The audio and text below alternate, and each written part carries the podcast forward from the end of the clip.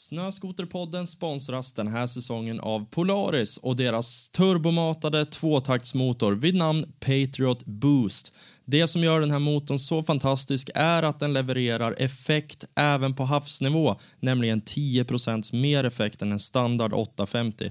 Någonting som ingen annan tidigare har gjort. Samtidigt så lämnar Polaris även fem års garanti på den här helt nya banbrytande teknologin. Det är alltså supermycket effekt i en maskin som du också får garanti på. Jag är stolt, jag är glad, jag är tacksam, jag är hedrad att Polaris väljer att stötta Snöskoterpodden. Tack så mycket, Polaris. Det här avsnittet sponsras av Tobii Outerwear och nu kommer vi ringa upp Thomas på Tobii för att avhandla ett riktigt intressant ämne. Ja, Thomas. Tjenare mannen! Erik Holmgren här, Snöskoterpodden. Tjenare Erik. Tja. Hej! Du, idag så skulle vi egentligen eh, avhandla någon eh, rolig story om någon produkt eller någonting annat. Men jag tänker så här att du ska få lite ledigt, sen ska du bara få berätta om ett härligt skoterminne du har. Visst är jag en snäll chef? Ja, ja men det här blir jättebra. Ja, ett roligt skoterminne. Ett roligt skoterminne. Eh, det första jag kommer att tänka på är egentligen en resa som vi gjorde för en massa år sedan. Vi var ner till Andorra för att köra skoter. Eh, vi var ett, ett eh, gäng på fyra glada grabbar som kastade oss i en, en eh, folkvagns pickup och körde ner till Andorra som ligger upp i Pyrenéerna mellan Spanien och Frankrike. Och det är ett litet, litet furstendöme som är 50 kilometer tvärs över. Och, och tro det eller ej, där nere kör man skoter, vilket vi hade upptäckt via kommentarsfält på någon supertidig Youtube-film. Men alltså kom ihåg att det här är ju före Facebook, före Instagram, före allting. Ja, alltså, jag har ingen aning trots att jag är uppväxt med Facebook och Instagram. Ja, okej. Men ja, coolt. Du var född eller nästan var sån, det, det vet jag inte. 2005 kanske? Ja, sex. ja då var jag åtta, nio år. Men ja, Ja. Men vi, vi åkte egentligen ner på chans, hade inte en aning vilka vi skulle träffa. Och så kommer vi ner, det- alltså det är en sån här resa också när vi, vi, vi, vi var under, parkerade skotern under Eiffeltornet. Vi var på en strand vid Medelhavet med palmer med skotrarna. Och vi var i Andorra och körde sina skotrar. Så vi prickade liksom verkligen av allt. Plus att vi hängde med så här mafiosos i Andorra. Och en massa helt fantastiska människor som vi körde skoter med. Och det, det stora liksom som jag tog med mig från den här resan eh, var ju bland den här och många andra resor också, men just det här att hur lika snöskoteråkare är när man kommer ut lite grann i världen. Vi förstår inte varandra, pratar inte samma språk, men, men, men det är så otroligt lika hur man tänker och vad man uppskattar och hur, hur många är som personer också tror jag. Så det, det var en, en upplevelse faktiskt, utöver att det här var en helt otrolig resa med solsken och puder och du vet, Pyrenéerna. ja jag, jag kan eh, tänka mig. Vilken livsnjutning. Ja, absolut. Det är, ändå, det är det här man lever för. Ja, men- upplevelsen lever man för. Verkligen. Så kontentan det är egentligen att skoteråkare det är, det är världens bästa folk. Folkslag. Ja, jag tror faktiskt det. Jag är helt övertygad till och med. Ja, äh, svinkul. Thomas, tack så jättemycket. Jätteroligt att prata med dig. Vi hörs igen i nästa avsnitt. Det gör vi. Tack så mycket. Och till alla poddlyssnare så river vi igång dagens avsnitt. Men hur var första säsongen då? Eller de första tre månaderna som du var där? För det måste ha varit en helt ny värld som öppnade sig. Ja, men absolut. Jag kommer ihåg första, första turen. Det var en eh, riktig blåbärdag, mycket nysnö. Och det var liksom som att komma upp i ett drömlandskap. Det var liksom bara pillows och djupsnö och hopp.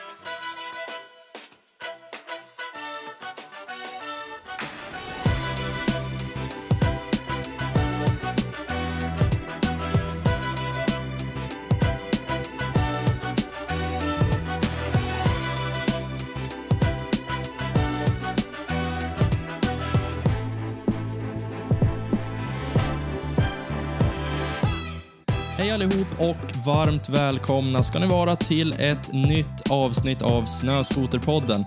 Hoppas ni haft en härlig påsk och att vårsolen har gett er både D-vitamin och lite härlig skoteråkning. I dagens avsnitt så har jag bjudit in en person som jag själv måste erkänna att jag är lite starstruck inför att träffa. Detta eftersom det är en riktig skoterfilmskändis.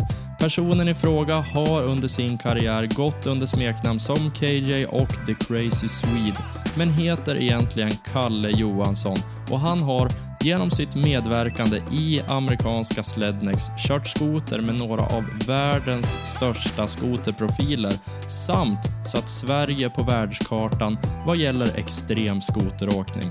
Utöver detta har Kalle medverkat i det svenska Rough Riders, han har kört freestyle, ja, han har helt enkelt haft en minst sagt händelserik skoterkarriär.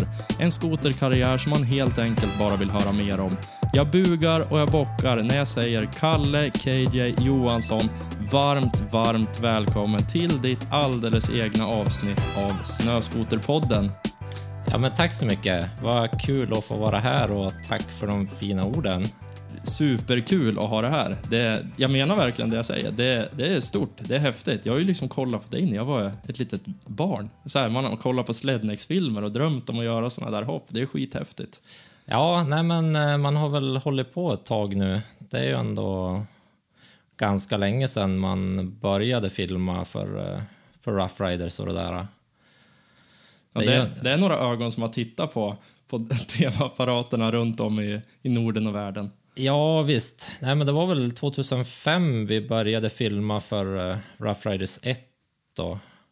Och innan det så var jag även med lite grann i Frosty Demons-filmerna för eh, ja, Ullungersgänget. Erik Just och det.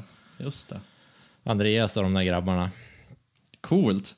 Nej, jättehäftigt. Roligt att sitta här öga mot öga, äntligen. Är det många som kommer fram på stan?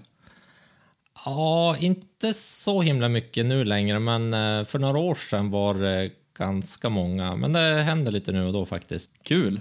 Ja, Det är lite häftigt. Du, har du haft en, eh, en bra dag? Ja, nej men den har varit toppen. Jag har jobbat och sen åkte jag ner hit till Sundsvall. Ja, det är väl kul att du får se Sveriges framsida. Ja, men absolut. För en Öviksbo. ja. Eller baksida. Ja, beror på vem man frågar. Du, det är eh, slutet av april nu när vi spelar in det här och man börjar sakta men säkert kanske summera säsongen som har varit. Hur har skotersäsongen sett ut för din del? nej, men den har väl eh, varit helt okej. Jag har väl eh, kört ganska mycket i alla fall. Jag har varit upp till fjälls några svängar och vi har ju haft helt okej säsong hemma runt Övik också. Så det har blivit många härliga turer på Ockelbon och Ja, njutning. Ja, sen har jag ju byggt ett, en liten egen maskin också som jag nu var ute och testade nu här på vårkanten. Ja, den tänkte jag faktiskt fråga om. Jag, jag skulle vilja höra lite mer. Den är ju, den är ju väldigt speciell. Ja, det kan man minst sagt säga. Men eh, det härstammar väl egentligen från eh, Ockelbo Poron som jag kört ganska mycket, ganska länge nu. Och vilket jag tycker är en underbar maskin. Men eh, den har ju mycket att önska också. Vad är det som är, vad är, det som är bra med den maskinen? Alltså, jämför, alltså Ockelbo har ju många modeller, men vad är det som, vad är det som gör att Poron sticker ut? Ja, men just poron, den är smal, den är lätt och eh, ganska lång matta faktiskt. Jag tror att det är... Det är en 154. Va? Är den så lång? Ja, den är riktigt lång Ja, faktiskt. sjukt. Den har en väldigt speciell form också. Alltså den är ju så här, den är lite svepande i formen nästan. Alltså lite, det är som en puckel. Det är som att dynan går ner lite i mitten och sen så går den upp lite där fram och sen följer den över liksom i, i huven. Ja, visst. Den är ju, den är ju mycket smäckrare än en Ockelbo 6000 som kanske är mest, mest lik egentligen. Mm. Men den är ju smalare och eh, väldigt smal framvagn. Det är ju då 25 tums framvagn på den. Så den går ju in genom en 80 dörr. Det är helt sjukt. Ja, så det, den är riktigt fin att köra i tät skog för den ta sig mellan träden och den är grymt smidig och sidehilla med. Framförallt här i, alltså, längs kusten där vi inte har de här enorma snömängderna heller. Nej, men Då visst. blir det extra kul att bara fara och traila. Ja, för alltså har vi fem centimeter snö på Skare så är det ju fortfarande kul med en sån maskin att fara och upptäcka nya ställen och man kanske inte kör så här superextremt med en sån maskin men eh, nej, men man, tar, man tar den ändå på ganska besvärliga ställen som eh, jag knappast skulle ta en ny maskin på. Mm. Ja, jag kan att, tänka eh, mig det. Nu har jag dock byggt en ny maskin som ska ha ungefär samma, samma utgångsmått. Det är samma bredd på framvagnen, det är lika lång matta men eh, betydligt mer fjädring och lite större motor i den också. Ja, alltså utifrån bilderna jag såg, då så, nu, rätta mig om jag har fel, såg ut som att det var en kapad framvagn, alltså det är vanliga A-armar, det är inte bladfjädring utan vanliga A-armar som är kapad, inflyttad, så det ser ut typ som en vattenkrossmaskin nästan, fram. Och sen hade du en gammal Lynx-boogie. Vad är det som är mer gjort? Nej, det har ju utgått ifrån en eh, Lynx-tunnel och en Lynx-boggy som var ganska skrotad och krokig som jag riktat och jag har faktiskt gjort om geometrin lite grann och byggt om den till en eh, DS-boggy. Så att jag har inte själva fästet för stötdämparen uppe i tunneln längre utan jag har den till främre armen. Och så har jag nog hittat några centimeter extra fjädringsväg i den också. Ja, det lär inte vara så jättebra original. Nej, alltså i poron, eh, boggen är faktiskt ganska bra i den, men eh, gummibandsframvagnen har ju kanske lite mer att önska. Ja, den är inte optimal. Den är inte riktigt optimal och jag har kört sönder ganska många gummiband också. Ja, jag kan tänka mig det, att det går på löpande band. Kanske när man tänjer på gränserna lite grann, då, då är det inte optimalt. Nej, man tänjer på gummibanden samtidigt. Ja, exakt. Okej, ja, men eh, det måste ju vara grymt kul. Vad har du gjort motormässigt? Eh, motormässigt på den så är det en eh, skotercrossmotor från en S6 eh, 600. En 16. Så att den är rapp och fin. Den går faktiskt riktigt hårt. Det är ingen smygarskoter du har byggt. Nej, det är väl kanske ingen riktig smygarskoter, men jag har gjort eh, variatorerna ganska snäll så att den går faktiskt riktigt bra att smyga med också. Ja, kul. Alltså det där måste ju vara hur kul som helst. Jag har ju någon liten pervers tanke om att återuppliva larven. Men att göra det i elektriskt format, alltså göra en eldriven larven. Då tänker jag i mitt huvud att det är skithärligt att bara smyga runt helt ljudlöst och bara liksom kunna ta sig precis överallt. Men också att du kan stanna, du kan köra vidare, just bara ja, men smygkörning. Det där blir lite samma sak, just att du får den här supersmala, den är supersmidig, du kan liksom lyfta den med en hand om man kör fast. Ja, men exakt. En larven har jag faktiskt aldrig kört, men eh, det skulle vara riktigt roligt att prova en. Ja, Jag har Och inte heller kört den. Jag Jag, har- jag- tänker i huvudet att det är nice. Jag har faktiskt en kompis som eh, har köpt den larven i vinter så att, eh, jag hoppas att jag ska få komma ut och prova den lite grann. Vi får, vi får fixa någon, eh, någon larven och sen så får vi ha en, en hel dag där vi testar och utvärderar, både du och jag, så vi får, så vi får prova på den där, den där tanken om att är det så kul som man tror? Ja, men precis. Nej, men alltså med en smal maskin så... Du kan ju skråa mycket enklare än vad du gör med en eh, lite bredare maskin.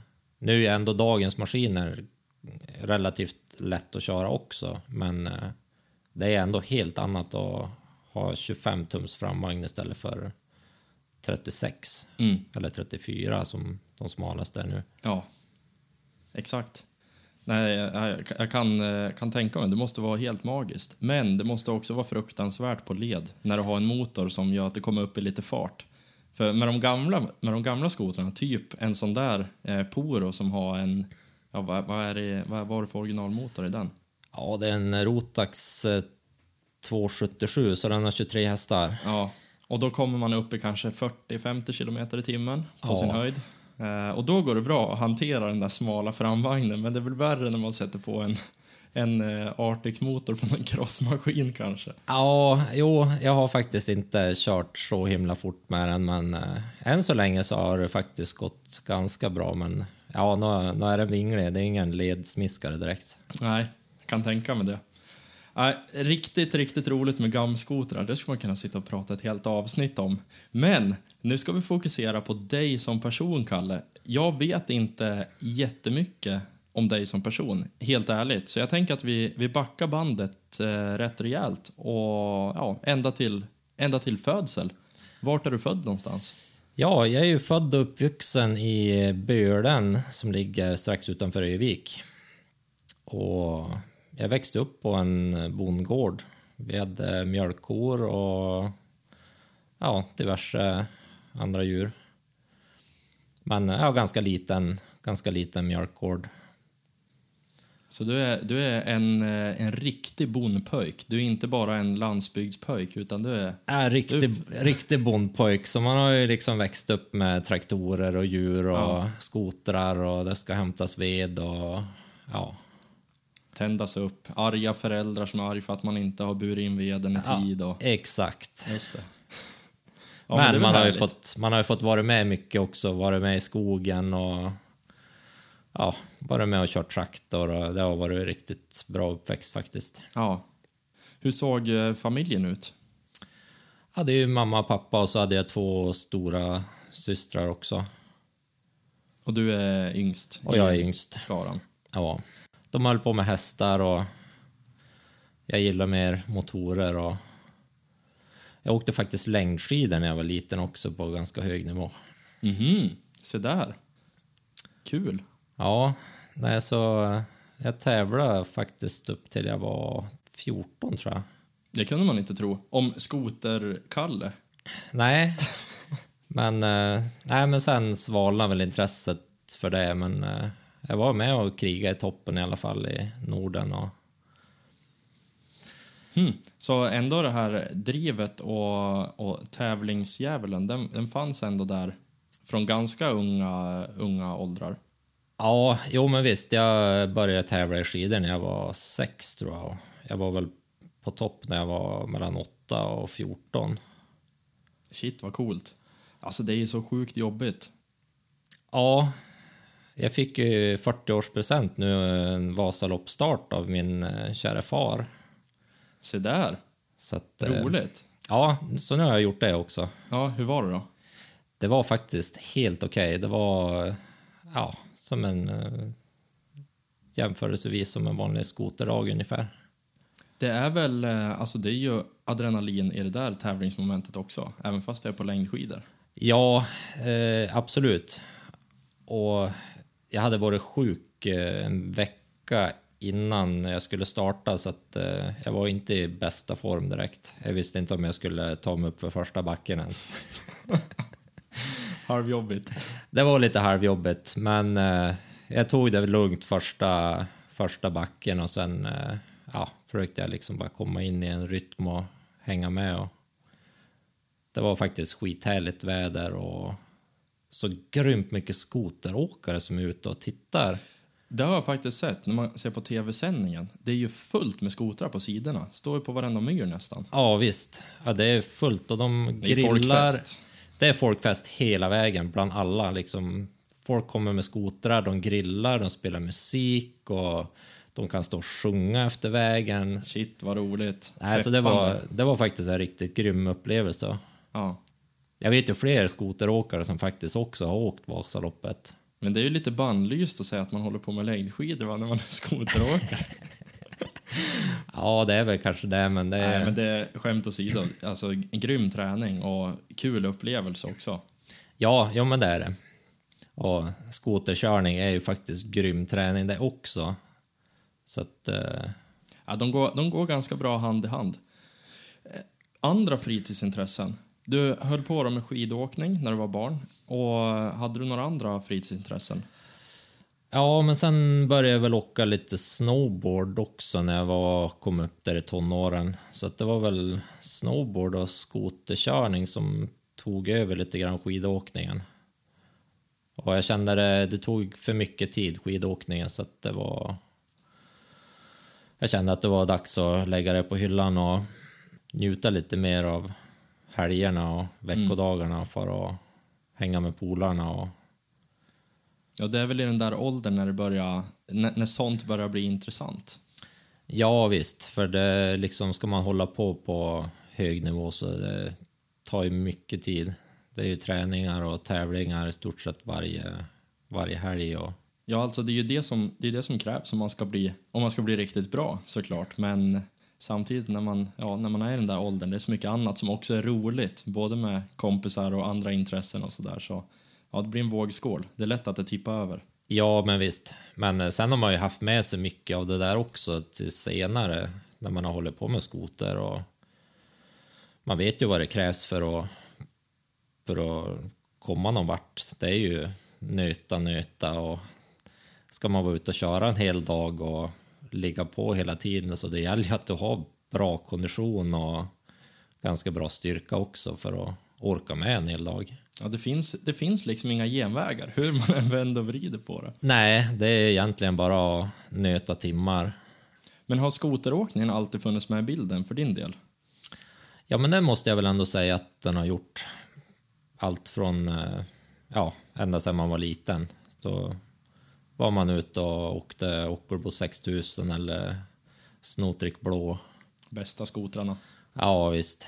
Alltså när man var, när man eh, var liten, då, för jag, jag började också köra på en Ockelbo 6000. Då, det var ju, alltså den var ju så extremt stor tyckte man då. När man klev upp på den där, det var, alltså det var ju en bäst. Och samma sak när man, om man välte någonstans och skulle välta tillbaka den, det var helt omöjligt. Men nu när man är vuxen och kliver på en sån där, de är ju pyttesmå. Ja, men de är fortfarande fruktansvärt tung. Ja, det är de. De är gjorda av järn. Ja, Alltså, tunneln är ju, är ju gjord av järn liksom. Skidor, allt. ja, det är en riktig stridsvagn. Ja, det är det. Men eh, det gick ju att köra igenom mycket buskage och skit med dem också. Men- Exakt.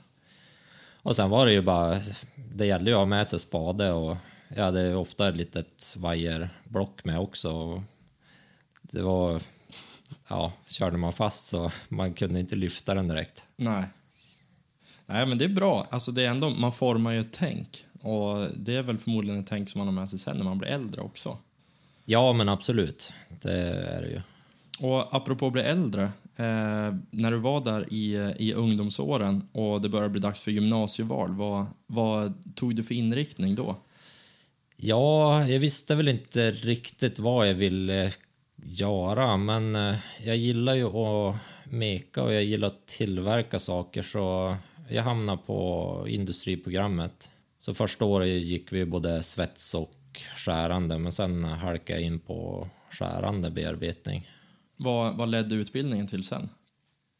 Ja, det ledde väl till ett jobb på Hägglunds direkt efter eh, jag hade gjort lumpen. Ja, Hägglunds, de gör ju stridsfordon, bandvagnar och eh, stridsvagnar bland annat. Mhm, okej. Håll- Och de håller till i Övik? De håller till i Övik, Ja, coolt. så det var... Nej, men det, är- det är riktigt kul verkstad för de eh, tillverkar mycket specialgrejer och mycket ingenjörskonst som händer där inne. Ja, men jag kan tänka mig det. Och när du, när du jobbar med den typen av produkt, det är ju ingenting som får fela. Du måste ju alltid ta den, den säkraste och den bästa vägen i Ja. produktutvecklingen.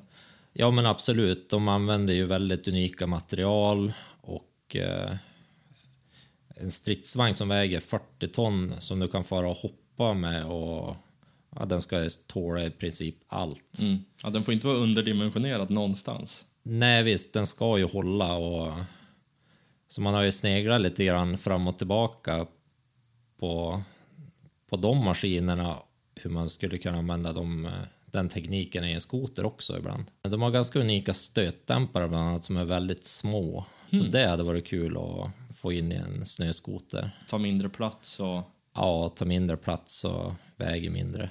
riktigt, riktigt coolt. Ja, När började du satsa lite mer seriöst på skoteråkningen då? Ja, alltså jag jobbade på Hägglunds i tre år efter eh, gymnasiet. Och sen efter en sjukskrivning så började jag på en praktik faktiskt på, hos Grimborg uppe i Gällivare. Med Rough Riders. Petter Grimborg som alltså producerar Rough Riders. Ja, men exakt. Så jag hade krossat hälen i en bakåtvolt och behövde någon slags arbetspraktik via Arbetsförmedlingen så jag tyckte Grimborg skitkul. jag hade ju varit med och filmat lite grann för eh, Rough Riders 1 då. Det här är verkligen back in the days. Det här är verkligen, det är 2005. Ja. Så, ja, sagt och gjort. Jag började på en praktik där hos han på sommaren. Och då filmade vi till en eh, crossfilm faktiskt. Så vi var nere i Spanien bland annat och filmade med... Ja, Bodin skulle vi filma med bland annat. Men eh, han pajade axeln eller någonting då. Så vi filmade med Moje och det var några andra svenska och norska åkare och ja, lite spanjorer också. Så vi torade runt där nere i Bodins buss och filmade diverse shower. Och... Och det här var alltså din, ja, så att säga, praktik. Jajamän, det var min praktik. Låter väldigt tråkigt. Det var faktiskt inte alls tråkigt, det var Nej. skitkul. Nej, jag skojar bara. Nej, men jag Ja, fick ju, fick ju lära mig lite grann om filmning och hur det gick till och sådär. Så det var skitnyttigt faktiskt till senare. Mm. Ja, men verkligen. Alltså, äventyr. Ja. Du måste ha varit lyrisk i den åldern också. Ja, men gud, det var, det var riktigt, riktigt äventyr faktiskt att få vara med på. Men då, då var du lite invalid där när du praktiserade med honom, men du hängde med, du såg hur saker och ting skulle göras. Ja, precis. Och sen skulle jag köra en freestyle show i samband med eh, Rough Rider-premiären i, uppe i Gällivare i september, tror jag det var. Och jag skulle köra på cross. Och vi hade gjort en ganska liten landning, lite annan ramp än vad jag hade. Så mitt första provhopp så överhoppade jag ganska rejält och landade platt. Nej. Så då bröt jag ju båda underbenen och krossade vänster fotled. Och då var du precis på väg tillbaka. då var jag precis på väg tillbaka. Så att, eh, jag hade kunnat kört lite cross på sommaren och sådär men eh, jag hade varit ganska stel och sådär efter förra olyckan. Det var ju inte en optimal start. Nej, det var ju absolut inte optimalt. Så jag fick tänka om lite grann. Kanske inte ska, ska riskera allt för mycket och köra freestyle närmaste tiden så, så jag började, började friåka mer. Och, så säsongen 2006 så var det väl mest bara lite lugnare friåkning. Och vi filmade väl lite grann för Rough Riders ändå på framåt våren. Och så kom jag i kontakt med två killar där uppe också som, eh, som åkte till Kanada faktiskt där eh, säsongen 2006. Uffe Nilsson och Per Eriksson. Så de, eh, de frågade om jag inte skulle hänga med till Kanada nästa år och köra lite skoter där, köra lite lössnö. Och absolut, sa jag. Det hänger jag med på. Vem tackar nej till det liksom? Nej, exakt. Liksom, de, hade ju, de hade varit där en säsong innan och de hade ju köpt någon eh, gammal pickup och de hade skotrar och de hade ju lärt känna lite folk. Men Så- ja, de, skulle, de skulle egentligen bara dit och alltså, köra för skojs skull. Det var bara en kul grej. Ja, de skulle bara dit och köra för skojs skull. Det var inte någon filmning direkt inplanerad utan ja, vi hade väl någon liten, liten eh, DH-kamera som vi filmade lite själva med men det var inget seriöst direkt. Men så du var typ eh, runda slängar då, 23-24 år, eh, när du praktiserade där med Petter. Ja, Eh, och sen ett eller två år senare, då, då eh, hängde du med över till, till Kanada. Ja, precis. Då hoppade jag på flyget med de där grabbarna som jag knappt kände. Ja, lite löst sådär. Ja, lite lös sådär. Man hade hängt några veckor uppe i Riksgränsen och Gällivare och sådär. Ja. Så då packade vi våra grejer och åkte till Kanada. Och hur länge skulle ni vara borta då? Vi skulle vara där tre månader var det planerat.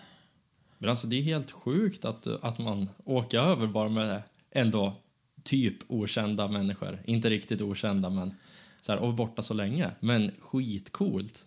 Ja, nej men det var, det var riktigt coolt faktiskt. Och, ja, det tog väl en vecka ungefär innan jag hade köpt eh, en skoter och, hittat någon gammal pickup att köra. Och, Vad köpte du för något då? jag köpte en eh, 03s Rev 800. Klassiker. Klassisk eh, bäversvans. Ja. Och så var det en gammal eh, F150 pickup. De kostar ingenting där borta heller. Alltså, det är ju som Volvo 740 där. Ja, en men visst. Ja, det var en 91 tror jag och jag, den var väl ganska rostig och sådär. Jag gav 1500 dollar för den. Ja, du ser. Ingenting. Och skotern tror jag gav eh, 5000 dollar. Så att, eh, ja, rundat slänga 50-60 000 för både bil och skoter. Ja. Men hur var första säsongen då? Eller de första tre månaderna som du var där? För det måste ha varit en helt ny värld som öppnade sig. Ja, men absolut. Jag kommer ihåg första, första turen. Det var en eh, riktig blåbärdag, mycket nysnö. Och det var liksom som att komma upp i ett drömlandskap. Det var liksom bara pillows och djupsnö och hopp överallt. Mm. Och sen vet man att det är så extremt mycket snö så det är ingen risk att du kör på stubbar och stenar och sly och annat. Nej, det är ju betydligt mer snö där än vad det är här så att det var ju lite, lite annorlunda. Vart i Kanada var ni då, vid det här laget? Ja, vi var i, vi bodde i Squamish heter det. Det ligger strax eh, söder om Whistler. Okej.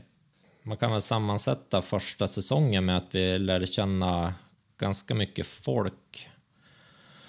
Bland annat lite folk från Slednex och folk som man hade sett på, på film tidigare då, som man stötte på någon gång nu och då. Ja, för ni var ju liksom i skotermeckat Whistler. Ja visst, vi var ju skotermeckat Whistler och skoteråkning där var inte så stort då.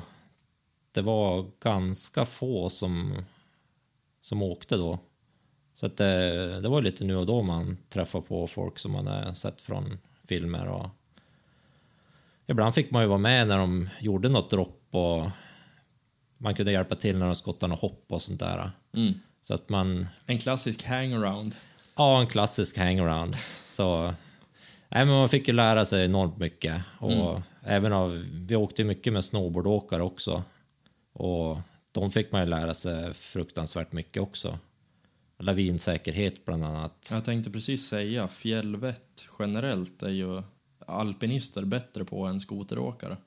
Ja, absolut. Och det hände inte bara en gång att man blev utskälld när man var ute och klättrade på fel sluttningar. Och, Men kanske bra. Ja, absolut. Det är Superbra. jättebra. Så man fick ju ganska, ganska bra lavinkunskaper av, eh, av dem tidigt där.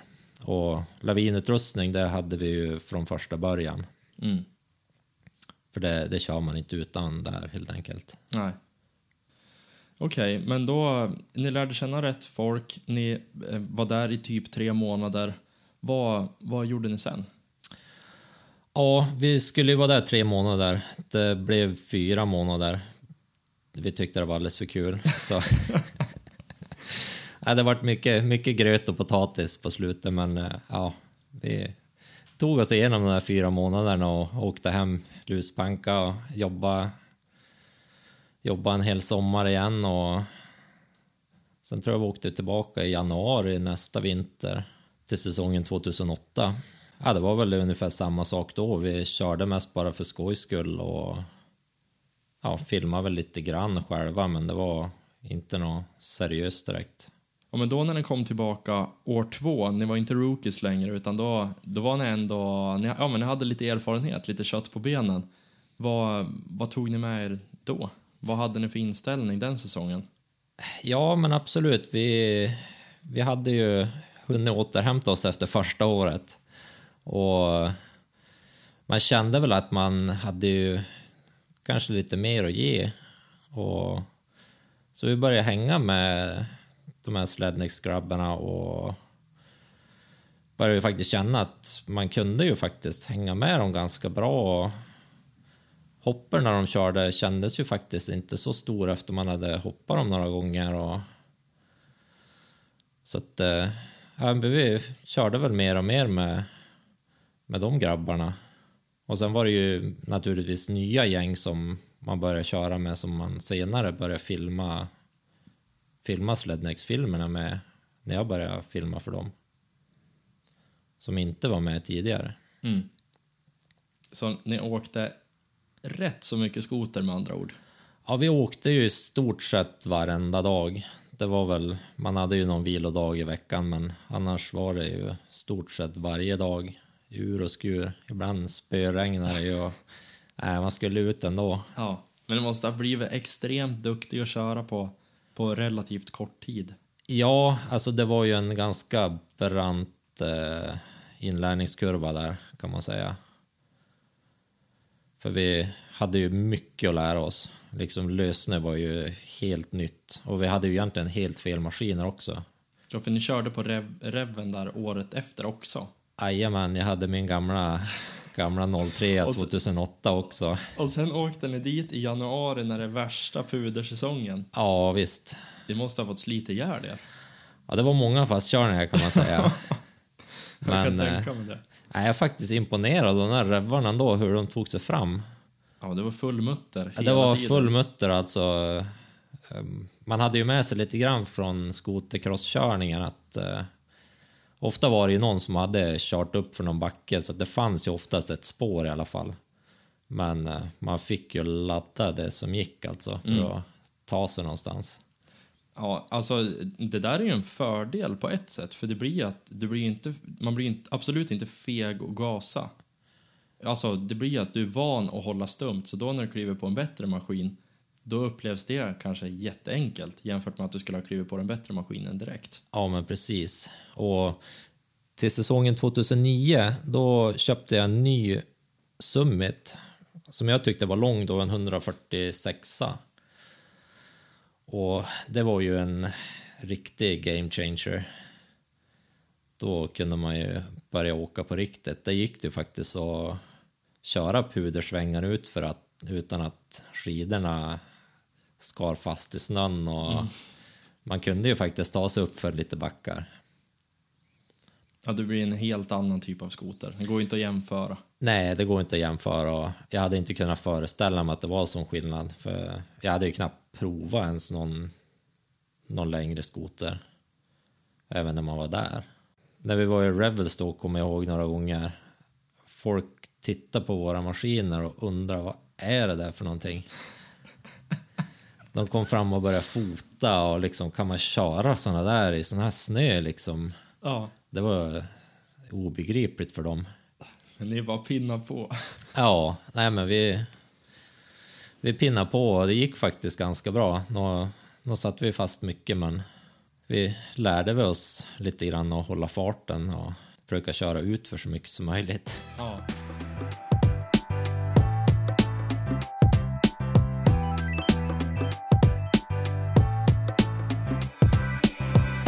Ja men eh, den här summiten den eh, gjorde ju att eh, körningen blev helt annorlunda.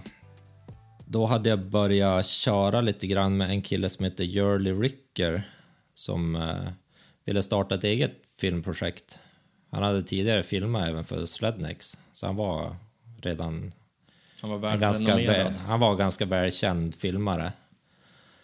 Och jag hade kört ganska mycket med han redan 2008 också.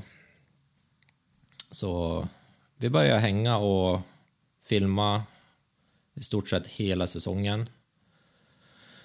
Vi fick eh, väldigt mycket material och jag fick hänga med han och filma andra åkare också. Bland annat eh, Brett Turcott. Och vi var ner till Chris Brandt nere i USA. Och vi var ner till eh, Team Tapio som kör Hill Hillclimb Racing. Och filmade med dem. Så att det var ja, Du måste ha varit så extremt starstruck. Det var Där. en fruktansvärt rolig resa faktiskt. Jag kan tänka mig och se det. och träffa alla andra åkare och även köra och filma tillsammans med dem också och få tips och råd och Nej, det var riktigt skoj. Chris Brandt har ju varit en idol länge Mm. innan han började bara med skogskörning. Ja, men alltså, han, är, han är ju en... eh, Eller han kommer ju bli en legend. Ja, men han är, han är, Han är väl legend. redan en, en levande legend. Liksom. Ja, nej men han, han har ju kört allt också. Han har ju kört eh, ja, både freestyle och han har kört eh, hillcross och skotercross och ja, skogsåkning. Han har gjort allt i stort sett.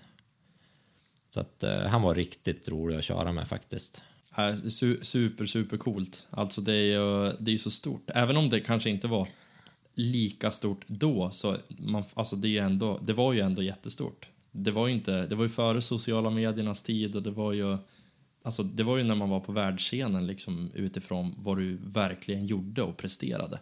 Ja, men exakt. Man hade ju liksom bara sett han på filmerna och de andra åkarna visste jag inte överhuvudtaget vilka det var. Men eh, de var ju riktigt grymma att köra med och de hade ju riktigt grymma skotrar också. De här Hillclimb-maskinerna är ju riktigt... Ja, de är speciell. Ja. Och det var ju turbomatade Arctic. Mm. Och Burant körde ju också på det.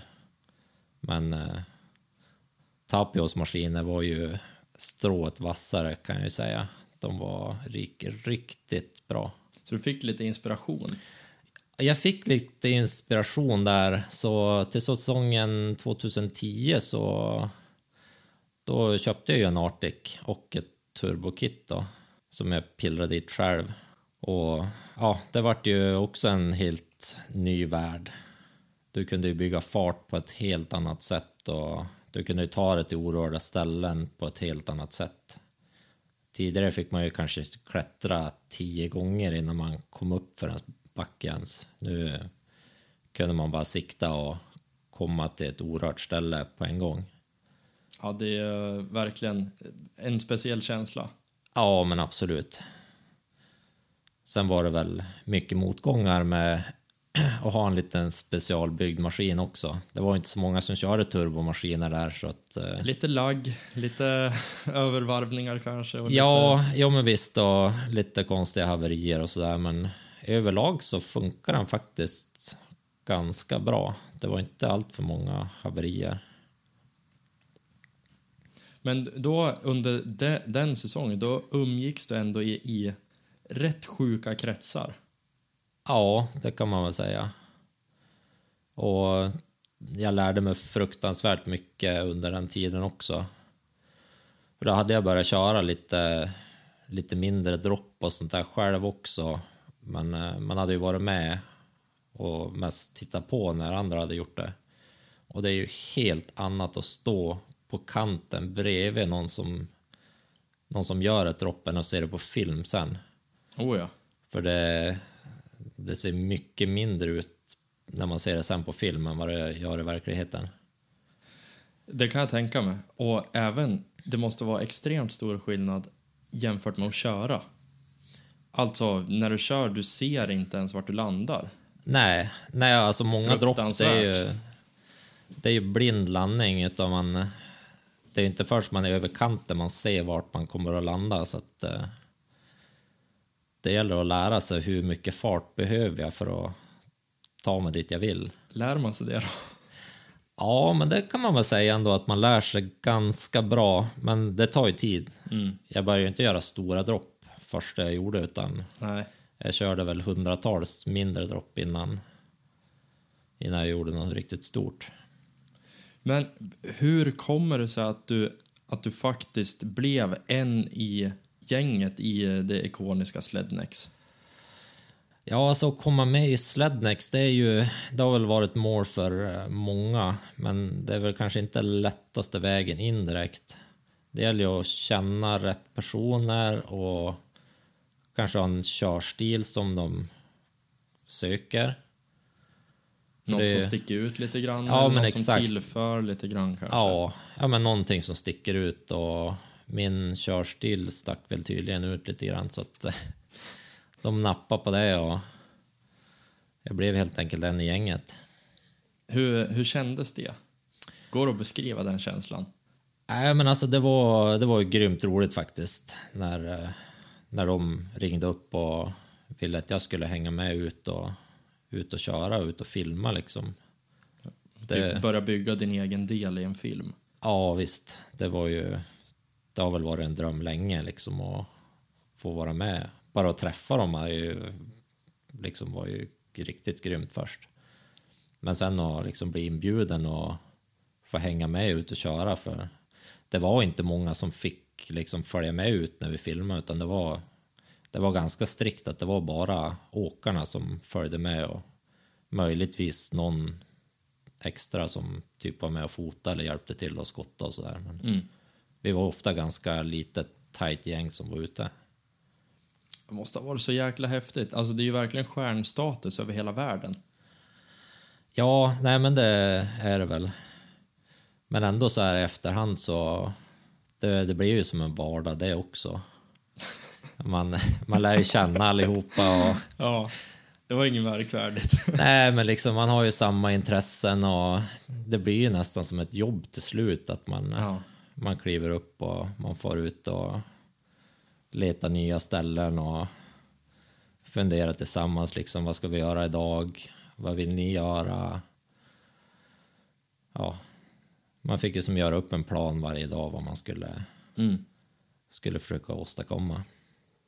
Ja, men riktigt, riktigt roligt. Hur, alltså om man, om man bara förklarar själva slednex-fenomenet, om man tänker för någon som inte har vuxit upp med det, någon som inte exakt vet vad det är. Hur, hur ska man kunna beskriva det på ett kort och bra sätt? Ja, men Slednex, det var väl egentligen de första som började göra skoterfilmer. Och de har väl ansetts som, äh, men som de äh, värsta åkarna egentligen. Man har buntat ihop världens bästa åkare, i stort sett. Ja, många olika galna åkare tillsammans i en, en och samma film. Det är ju inte bara lössnökörning utan det är ju, det är ju allt möjligt. Och sen så eh, gjordes det DVD-er, det var kläder, det var liksom... Ja men verkligen, det var, det var ju show. Ja, men visst, det var... Det var allt möjligt. Det var dvd kläder, eh, hoodies, kepsar och... Ja, det är ju ett varumärke liksom. Ja, det är ett varumärke. Men eh, någonting som jag saknade faktiskt från eh, tiden här med Rough Riders, det var aldrig några riktiga premiärer. Allt var som så utspritt. Mm. Så att eh, vi hade några premiärer i Whistler faktiskt, men eh, det var inte alls samma uppslutning som, eh, som här i Sverige. Nej. Nej, det blir inte den här filmturnén kanske. Nej, och det var ju ändå ganska liten skara som körde skoter. För det är ju, Whistler är ju en skidort. Så många tittar ju snett på skoteråkarna som kommer där och smutsar ner ungefär. Mm. Men, eh, nej men det är grymt roligt har det varit. Ja, vilken resa. Så jäkla häftigt. Ett, ett smeknamn som jag har snappat upp, det är The Crazy Swede. Och du är ju, alltså du kännetecknas ju av att du har, ja, du har ju gjort ganska stora hopp eh, och ganska stora dropp och kört alltså extremt stort. Vad, vad kan du säga om det, om det smeknamnet? Ja, men det, det kom väl egentligen ganska fort. Ja, de flesta har väl kallat mig för KJ, men eh, man fick ju höra The Crazy Swede lite nu och då också. Ja, köra stort, det har jag väl gillat att göra också. Man vill ju gärna, gärna hoppa lite längre och lite högre än de andra och kanske droppa någon meter längre än de andra också. Där kommer du tillbaka till den här tävlingsdjävulen från längdskidorna i, utanför Övik. Ja, visst. Ville liksom pusha gränserna. Ja, nej men testa gränserna har man väl alltid velat göra.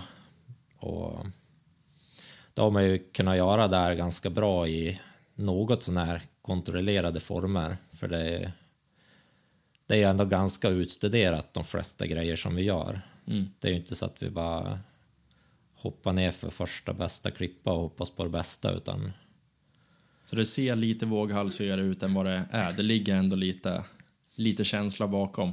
Ja, jo men det gör det. Det mesta är ganska utplanerat och många dropp då har man liksom tittat på i tre, fyra år innan man innan det känns rätt Mm. och det är rätt förhållanden och allt sånt där. Så att eh,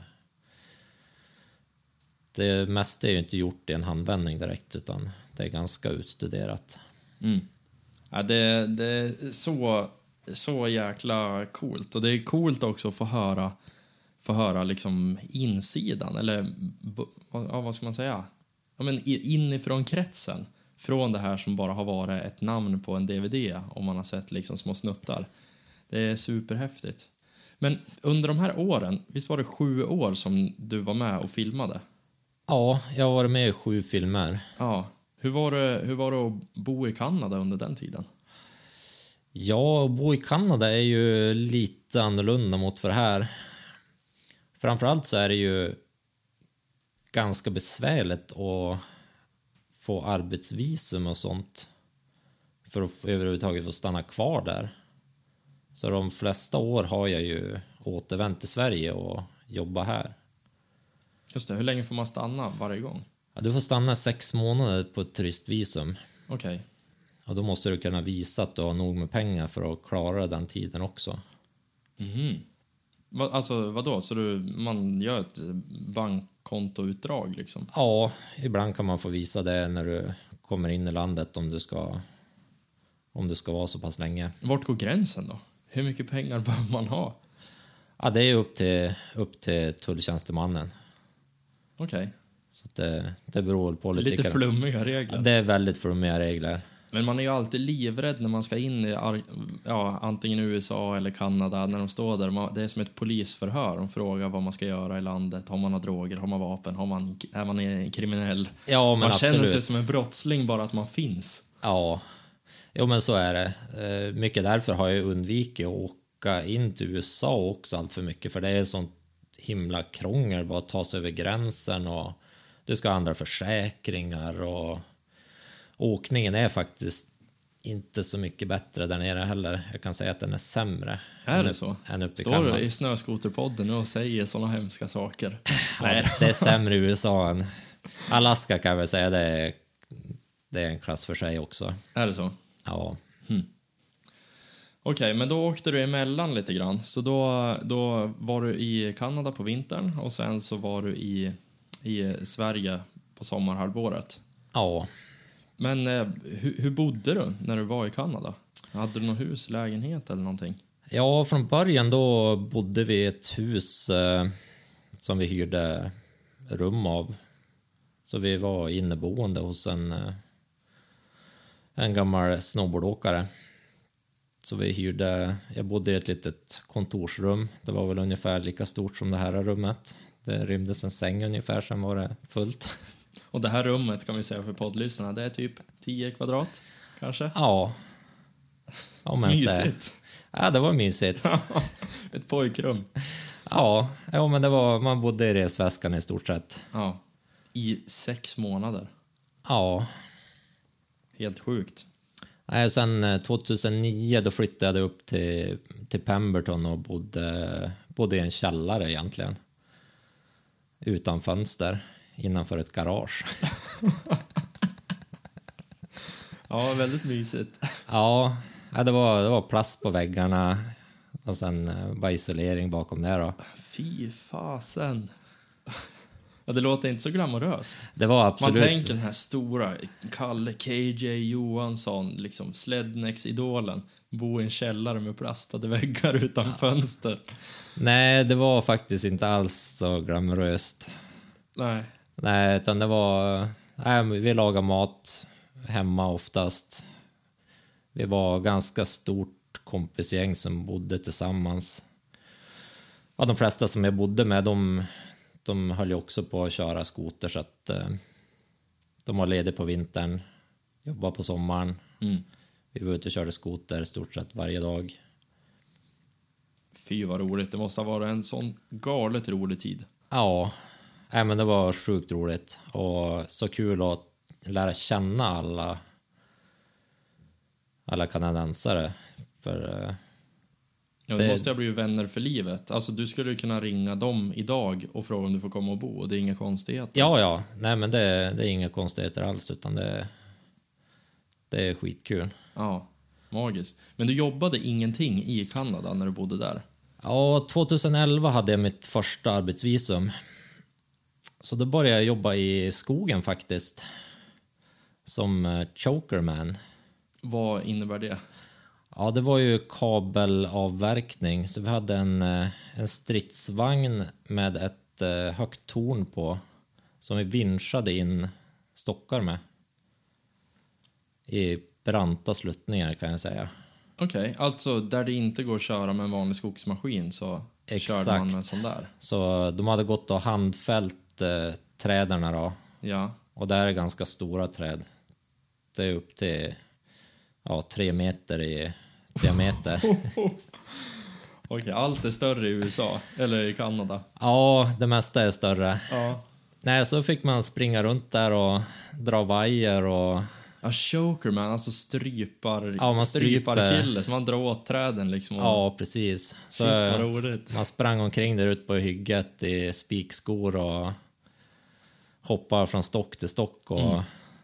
snara stockar egentligen. Men det måste ha varit alltså, jobbigt vissa dagar, men det måste ändå ha varit ganska roligt. Häftiga miljöer att vara i. Det var extremt häftig miljö faktiskt och extremt påfrestande. Ja. Det var slitsamt.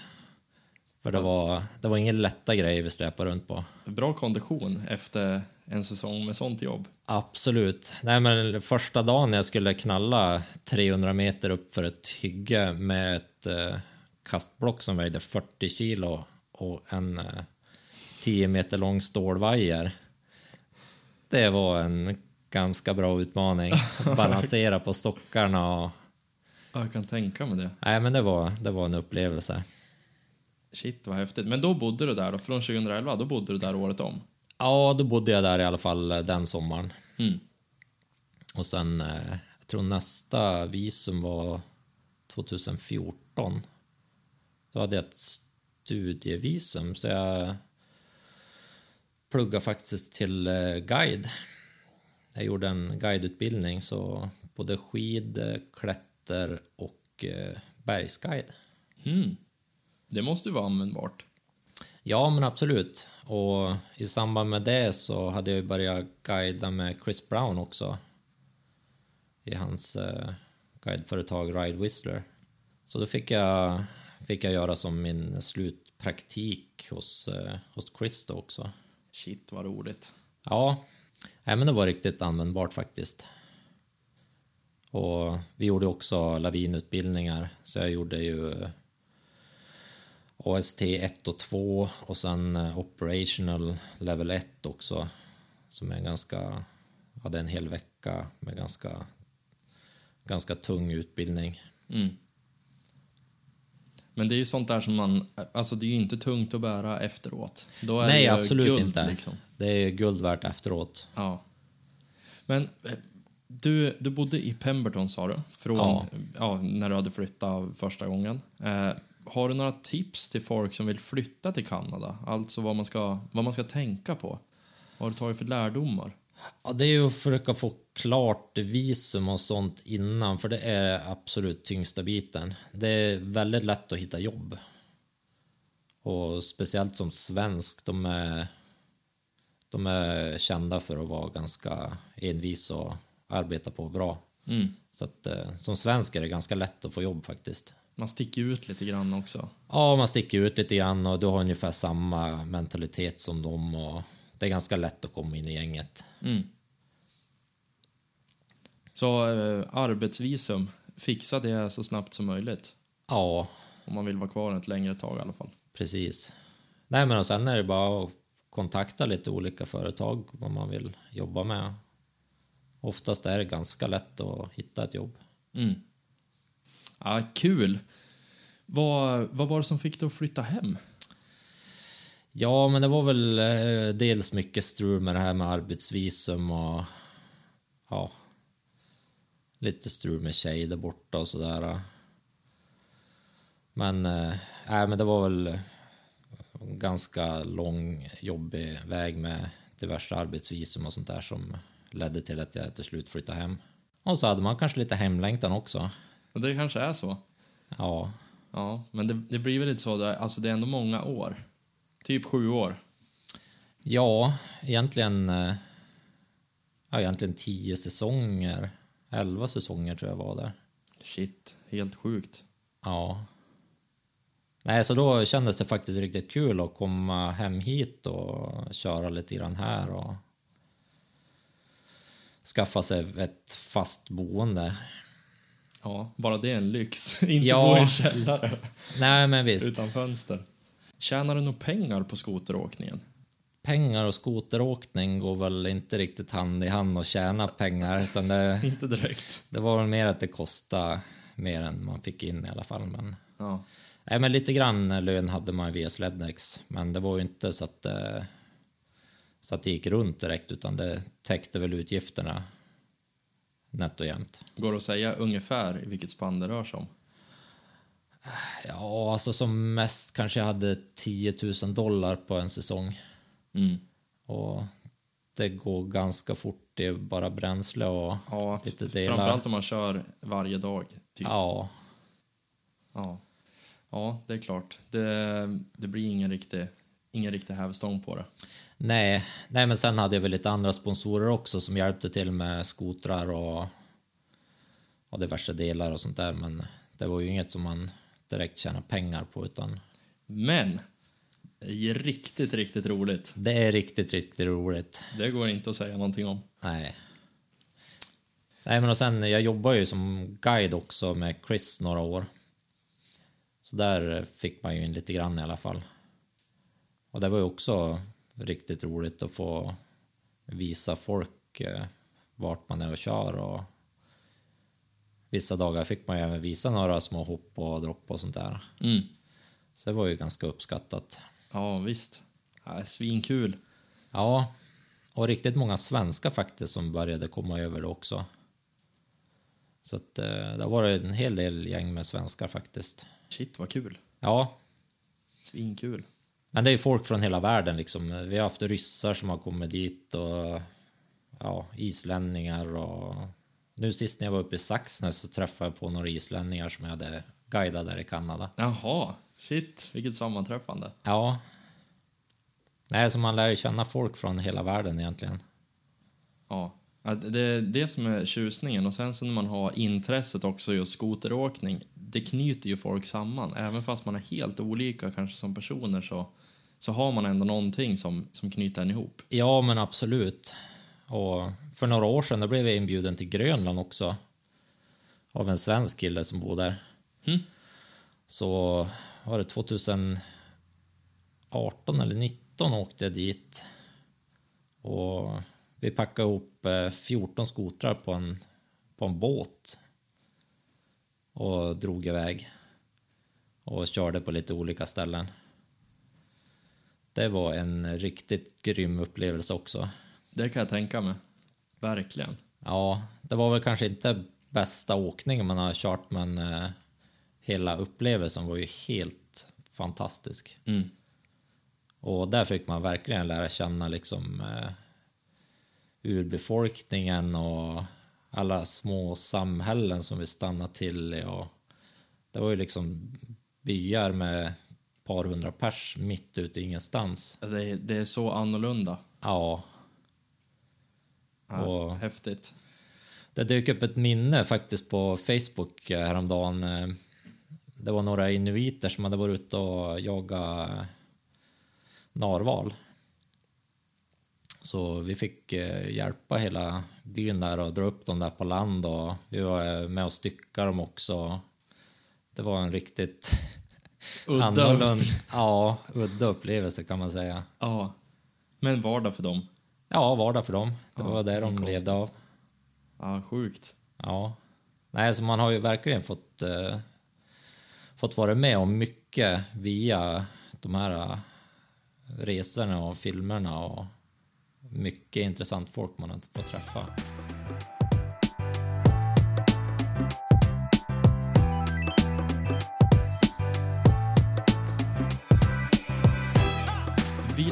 Av alla dina skoterminnen minns du lite extra så här några år, några år senare?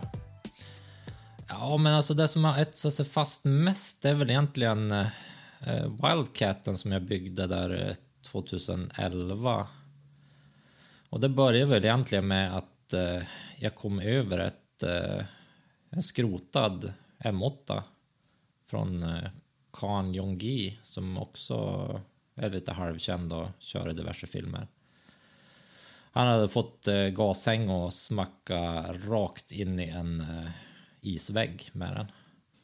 Det låter som ett perfekt utgångsobjekt. Det var ett perfekt utgångsobjekt. Chassit var helt krokigt, men eh, drivlinan gick att använda i alla fall. Och jag hade gärna velat haft lite mer framflyttad körställning på, på M8 som jag hade kört tidigare. Den var ju även lite ombyggd också. Men eh, jag hade gärna velat bygga om den mer så jag hade letat efter ett objekt länge och, och kunna bygga om. Så då fick jag tag på den där eh, M8 och jag tror jag gav 2000 dollar för den.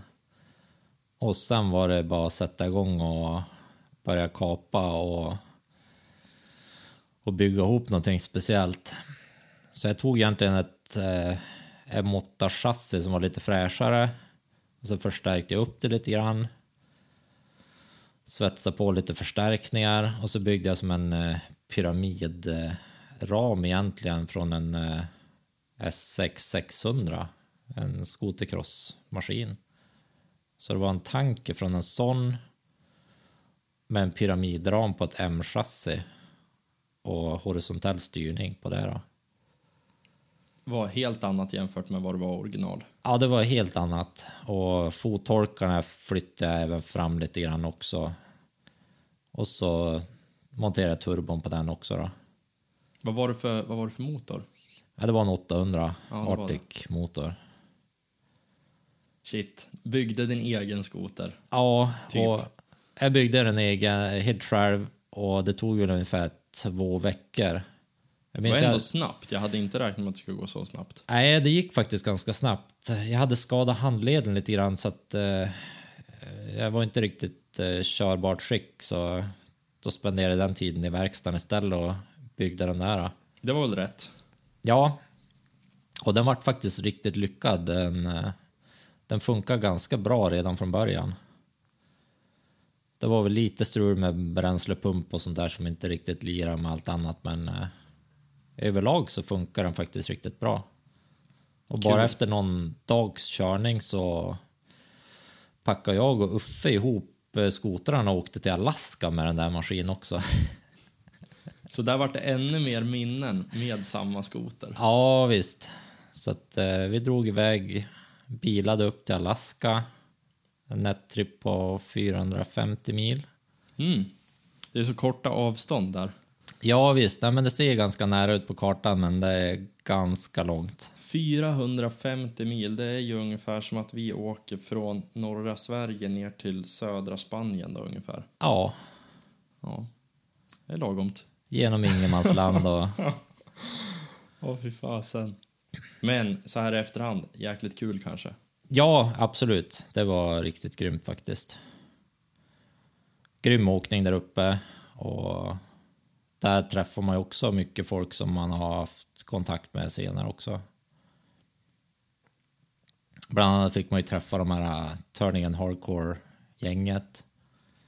Corey Davis hade man ju sett upp till länge. Så vi var och körde lite grann och jag hängde med när de var ute och filmade och jag körde hoppade lite grann själv också. Så det var, det var riktigt grymt. Ja, shit vad häftigt. Stora namn. Men Eh, Det var, eh, det var en av mina följare på Instagram som frågade om du har något speciellt minne från tiden i Slednex som inte fångades på film. Ja, men alltså det är väl eh, mycket som inte är med på film egentligen. För det är egentligen bara när vi kör något hopp och dropp och linjer och sånt där som är med på film. Allt runt omkring, hur man tar sig till ställen och Har du något exempel? ja... Alltså det är många resor som har varit ganska långt ut i ingenstans. Bara leta nya ställen är ju liksom... Vi kunde ju vara ute flera dagar bara leta efter ställen utan att filma någonting överhuvudtaget. Så sådana minnen är ju, är ju riktigt grym också. Mm. Bara fara på upptäcktsfärd, det är ju någonting jag älskar att göra. Ja. Ja, visst. Helt, se helt nya ställen, inte riktigt veta vad som kommer. Ja, Det är magiskt. Ja, för ibland vi kunde ju åka 10 mil från parkeringen bara ute i okänd terräng och leta ställen. Och man satt ju mycket på kartan och försökte liksom hitta, hitta nya områden att åka till och sådär. Så att det har varit ganska många sådana där uh, upptäcktsfärder som inte har varit med på film. Det är ju inte alltid man har hittat något speciellt bra, men Nej. Men ändå varit- så här, transportsträckorna dit och ja, men absolut. upplevelserna Och, på vägen. Och liksom bara vara på upptäcktsfärd med, med Treadway och eh, Tyler Blair har jag varit ute ganska många resor med. Och, ja, man hamnar ju i alla möjliga situationer. Liksom. Du kan få bygga broar över eh, åar och ja, ta dig igenom all möjlig terräng bara för att ta dig till något ställe. Mm. Ja, shit, vad coolt. Det där drömmer man ju om. Det vore ju jättecoolt. Det Ja. blir lite som att åka, ja men lite enduro-aktigt nästan. Man bara ska liksom ta sig. Ja, Coolt. Ja, för liksom många, många ställen som vi har filmat på, det är ju inte så lättillgängligt heller direkt. Det är inte som man kan ta, ta så mycket annat folk dit direkt, för det ganska krävande terräng att ta sig igenom och det gäller att det är rätt förutsättningar också. Mm. Nu, när, nu när vi är inne lite grann på frågor från, från följare så var det en annan, en annan följare som frågade eh, vad du har för tips till åkare där ute som, som vill tänja på gränser och verkligen försöka ta sin åkning till nästa nivå. I och med att du är ju känd för att hoppa både längst och störst. Så vad har du för pro-tips? Ja, men det är väl egentligen att nöta. Börja litet, ta små steg. Och man får ju vara beredd att lägga mycket tid. Liksom, Gå stegen, inte ta några genvägar. nej, försök att inte ta några genvägar för det gäller att känna sig trygg i sin åkning. Annars eh, går det lätt illa. Vad, vad är det som får dig att fortsätta och hitta på nya saker? Vad, vad drivs du av som person? Ja, men alltså jag har väl ändå ett driv alltid utvecklas. Det, det måste man väl säga. Inte bara med åkningen utan även med... Jag älskar ju att bygga skotrar också, bygga annorlunda skotrar och... Så att, ja, man har väl alltid ett driv liksom att, att utvecklas. Mm. Ja, men det, det märks ju. Det är ju hela tiden ett, ett nytt projekt. Om det inte är en ny GAM-skoter så är det någonting annat. Ja, men visst. Nej, men och sen... Eh, nu är det ju så grymt många nya duktiga åkare också som eh, är på framfart. Och det är ju dumt att liksom konkurrera med dem, utan vi alla har ju sin, sin egen stil och jag tyckte det är lite dumt att försöka konkurrera, utan det är ju bättre att, att hjälpa varandra. Det var fint sagt. Det var väldigt stort. Ja. Nej, men det... För man utvecklas ju mest själv så också. Utan eh, när jag är ute och åker med nya personer så ger jag ju dem mer än gärna lite tips och många frågar ju just om att hoppa och droppa och sånt där. Vad ska man tänka på? Så det är ju kul att, kul att kunna tipsa om. Och sen får ju jag mycket, mycket inspiration från andra åkare också. Ja, för dagens körstil skiljer sig lite grann kanske från när du var som mest aktiv. Ja, men absolut. Nu är det ju helt annat. Nu ska man ju göra snäva vändningar och det är hopovers och Piru- Piruetter och... piruetter och allt möjligt. Så det är man väl kanske lite efter i, men, nej, men det är kul, och, kul att se och kul att, kul att alltid kunna lära sig nya saker. Och det är ju kul att sporten liksom utvecklas. Ja, ja, men man skulle väl kunna sammanfatta allting som att du har haft en minst sagt händelserik skoterkarriär och det har varit... Alltså det, det är så häftigt när man tittar tillbaka på allting och alla erfarenheter du har fått med dig också som du nu kan dela med dig av till en ny generation. Det är, det, det är så jäkla häftigt. Men om vi tittar lite framåt då. Hur ser framtiden ut för din del? Ja, framtiden den eh, ser väl ut som att jag kommer vara mestadels här i Sverige då och köra. Och jag har väl lite planer på att eventuellt göra någon eh, klinik framöver. Och Det är ju populärt. det har blivit väldigt populärt och det är också en väldigt bra grej för att lära sig mer. Det är alltid bra att få tips från andra och köra med andra likasinnade. Ja, jag menar att få någon annans ögon på sig själv. Eh, kanske alltså på ett, ett avslappnat sätt. Ja, men visst. Nej, men också lavinutbildningar. Jag hade ju gärna velat köra, köra lite blandat, mellan, blandning mellan klinik och lavinutbildning så det inte bara blir en utbildning. Där har du ju ett bra koncept. Ja. Man kör skoter på dagarna, man kör lite demonstration. På kvällen så har man någon form av typ föreläsningsaktigt så man lär sig någonting också. Ja, men visst. Och jag har ju varit med Martin Borg och Safe Ride Sweden bland annat tillsammans med Naturvårdsverket och tagit fram en lavinutbildning här i Sverige som vi kallar friåkare på riktigt. Just det. Rickard Lövgren, han har ju varit med i podden här och pratat om, om det projektet också. Ja, precis.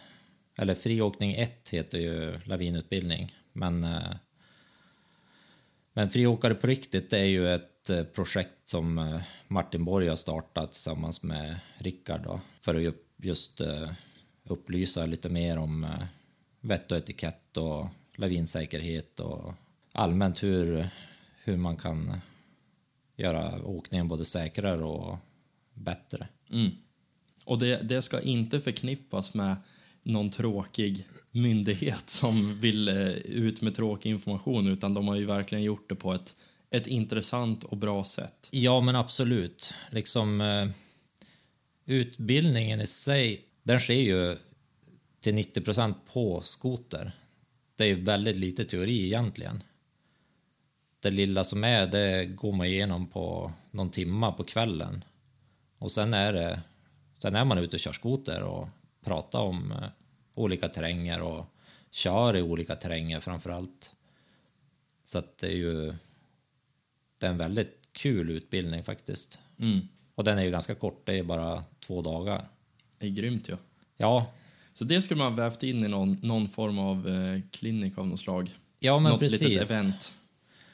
Och min tanke som jag har haft är ju att jag ska kunna komma till åkarna och köra på deras hemmaplan. Så att eh, det är väl någonting som jag spånar på att göra i framtiden. Kul! Ja. Riktigt spännande. Ja, men det, det tror jag faktiskt riktigt mycket på. Och det blir kul för mig också att fara köra på olika ställen med olika gäng och, och lära dem lite tips och tricks. Verkligen. Det ser vi fram emot. Du, eh, det börjar närma sig avslutning av eh, poddavsnittet. Ja, redan. Ja, faktiskt. Vi har suttit där och pratat skoter nu i eh, lite mer än en timme. Ja, Hur har det känts att spela in? nej men det har väl känts helt okej. Varit Ja, kul. men det har varit riktigt kul. Och få gräva fram lite gamla minnen och Exakt. Nej, superkul. Det har varit jätteroligt från min sida. Jag tycker det är så, ja, men som jag sa i introt också, det, det är stort att du är här. Jag tycker att det är jätteroligt och kul också att få lite, lite baksida och, och inblick i, i verkligheten. ja, visst. Eh, om man skulle vilja komma i kontakt med dig, hur, eh, hur gör man då? Ja, men enklast är väl via, via Instagram eller Facebook. Och där heter du? KJ Underline Johansson tror jag på Insta och Kalle Johansson på Facebook. Skulle du vilja säga någonting som jag inte har frågat om? Ja, men eh, jag är ju tillbaka vart allting startade egentligen. Jag har ju tagit över mitt eh, föräldrahem nu då. Så jag är Du blev bonde till slut, Så jag har ju blivit bonde till slut. typ. Ja, typ i alla fall. Eh, skogsägare i alla fall och vi har lite hönor hemma. Shit, vad roligt. Ja, nej, men det, det är riktigt kul faktiskt. Cirkeln är som sluten, Ja. kan man säga. Och trivs du bra med det? Ja, men absolut. Det är skitkul att vara hemma och ta hand om gården och vi har ju lite skog och det finns alltid något att göra. Det är lite annat jämfört med att bo inneboende i någon källare i, i Kanada. Nu har du fria tyglar. Ja, men absolut. Och skoterkörning alldeles runt hörnet. Man kan fara och köra en halvtimme och köra av sig lite grann. Och jag har ju kvar lite en freestylepark nere på åkern också så att jag har lite jordhopp och lite freestyle-ramper och sådär. Så att, Magiskt. Vilken inspiration. ja, nej, Kul. men det, det är faktiskt grymt att vara tillbaka. Och, och det är ju faktiskt ganska grym åkning här på, i Höga Kusten också. Det kanske inte är grymmaste snön alltid, men eh, Nej, Eh. naturen finns ju. naturen finns faktiskt och det är ju grymt att komma ut på de här eh, kanske lite äldre maskinerna och bara fara ut och hänga med polarna och sådär. Verkligen. Du, Kalle, en eh, riktig eh, inspirationskälla. Stort tack för att du gästade Snöskoterpodden. Det har varit jätteroligt att ha det här. Ja, men tack för att dra hit mig till slut. Det var riktigt skoj. Kul! Och till er poddlyssnare så skulle jag vilja säga att glöm inte följa Snöskoterpodden på Instagram där vi lägger ut om vi har några nya avsnitt. Om två veckor så kommer det ett nytt miniavsnitt och nästa intervjuavsnitt kommer om ungefär en månad. Tills dess, ha det så bra så hörs vi igen i nästa avsnitt.